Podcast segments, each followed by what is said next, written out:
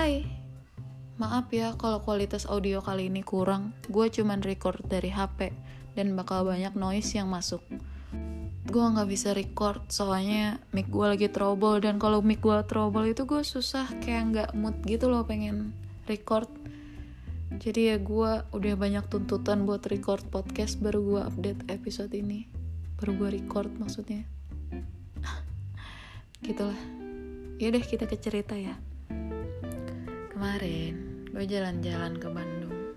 Ngabisin weekend doang sih. Sehari nginep di Bandung, seharinya lagi nginep di Lembang.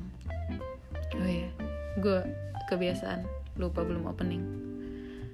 Selamat mendengarkan podcast menolak orang biasa bersama Ran. Kita lanjut cerita ya. Waktu di Bandung, gue cuman wisata kuliner doang. Nyobain makanan yang lagi viral di TikTok Sama makanan-makanan yang gue kangenin gue cuman pakai motor sama Sandi jaraknya dari kota gue cuman 2 jam lewat jalan utama. Sepanjang jalan gak ada kendala yang berarti sih. Kita cuman salah pesan hotel yang jauh ke mana-mana. Gak tahu kenapa waktu itu hotel pada mahal semua. Jadi kita nyari yang lumayan murah tapi tetap nyaman. Toh cuman buat tidur. Sampai di Bandung gue langsung makan ramen sebelum ke hotel. Sai ramen sai ramen itulah pokoknya. Ramen bar yang ramennya otentik bikin gue inget sama ramen di kota gue dulu kuliah. Malam harinya gue nyari kuliner yang viral juga. Cuman gue lupa nama tempatnya apa. Makanannya stick gitu tapi di kaki lima bukan di restoran. Tapi sayangnya tutup. Harusnya gue cek dulu di ojek online biar tahu buka atau enggak ya udah kita makan apa yang kita lihat di jalan aja. Ketemu restoran po. Makanan Vietnam gitu. Itu pertama kali gue nyobain po. Ternyata enak. Mie halus gitu dengan kuah bening yang banyak rempahnya. Kerasa kaldu udang juga. Rasanya hmm, seger gitu deh. Dagingnya banyak juga disajiin pas lagi panas-panasnya. Dan waktu itu Bandung habis hujan jadi cocok banget. Besoknya kita ke Lembang setelah sarapan pancake di salah satu cafe jalan ke Lembang tuh nanjak banget. Gue takut waktu itu motor gue nggak tahan tapi akhirnya kita nyampe.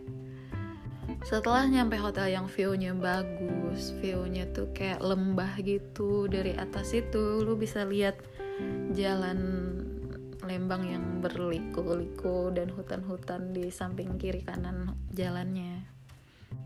Pas nyampe hotel, ternyata hujan deras. Nyampe malam. Kita cuman bisa makan siang di depan hotel dan malamnya kita baru bisa keluar lagi.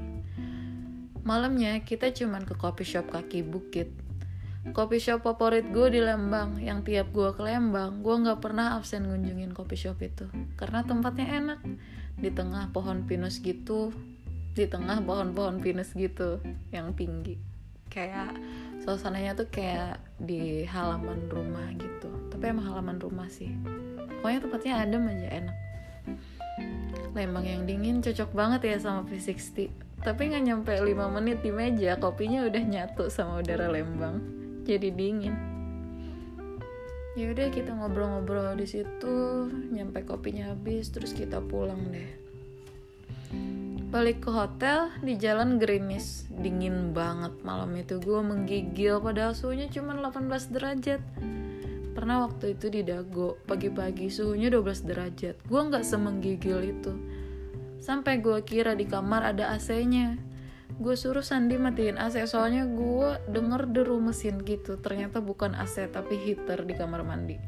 Sialnya selimut gue tipis banget. Nyampe gue meringkuk di kasur dan water heater yang berisik itu pun juga nggak terlalu panas airnya. Gue kapok gak mau nginep di Lembang lagi deh. Tapi sebenarnya nyaman. Tapi dinginnya nggak kuat. Gue biasa di tempat panas. Tapi pas gue liat TikTok ada tempat nginep bagus di Ciwidey yang tempatnya nggak kalah dingin dari Lembang. Gue masukin wishlist. Maunya apa sih? Katanya kapok Besoknya, gue bingung mau sarapan apa. Soalnya di hotel nggak nyediain sarapan. Ya udah, gue cari makanan berkuah yang paling bagus ratingnya di ojek online. gue akhirnya milih soto Madura dan bener enak kurang lebih rasanya sama kayak soto Madura yang ada di kota asal gue kuliah gue sering banget ngomongin makanan di tempat gue kuliah itu di Banjarmasin nanti gue ada rencana mau ke Banjarmasin dan gue bakalan bikin podcast tentang kuliner di Banjarmasin. Yaudah gue waktu itu sempet bingung mau ngabisin waktu di Lembang ke mana. Soalnya itu hari Minggu. Wisata di mana-mana rame banget ngalahin ramenya mall. Jalan di Lembang sampai macet panjang banget di depan tempat wisata farmhouse sama Asia Afrika itu abis sarapan kita packing. Check out dari hotel dan memutuskan jalan-jalan ke rumah guguk itu wisata juga. Dari namanya bisa dibayangin ya isinya apa? Isinya ya anjing-anjing rumah guguk Anjing ras semua yang jumlahnya hampir 200-an ekor, mulai dari ras yang ukurannya kecil kayak mini pom sampai yang gede-gede kayak husky, semua ada di situ. Di dalam tempat itu mereka kayak dibagi-bagi lagi tempatnya buat foto-foto gitu yang anjing kecil sama anjing kecil, anjing gede sama anjing gede. Sebenarnya gue seneng banget bisa main sama anjing-anjing itu, tapi agak miris juga sih. Soalnya sebelum foto kita wajib beli makanan buat mereka. Makanannya daging rebus gitu plastik kecil harganya 15 ribu. Ya cuman anjing ada kambing kelinci marmut bebek juga yang bisa kita kasih makan di situ ada kucing juga gue kasihan sama anjing-anjing itu mereka kayak nggak senang berada di tempat itu bayangin mereka harus menghibur ratusan pengunjung yang datang tiap hari. Dan kalau misalkan mereka nggak nurut sama trainernya, mereka bakal dibentak. Sesimpel kayak mereka nggak mau pose di depan kamera. Gue nggak tahu ngelatih anjing apa emang harus begitu, tapi gue kasihan aja. Ya ini sebagai curahan hati gue doang sih yang kasihan lihat hewan-hewan dibisnisin, bukan mau matiin bisnis orang juga sebenarnya. Mereka di situ pasti dikasih makan yang layak, tapi karena hewannya kebanyakan kebersihannya juga jadi kurang dan baunya nggak enak.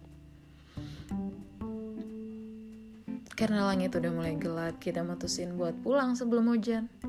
Pulang jalur Lembang beda sama jalan yang pas kita berangkat ternyata di tengah jalan hujan gerimis kita nggak bawa jas hujan kita berhenti dulu di warung sampai hujannya agak reda kita lanjut jalan lagi.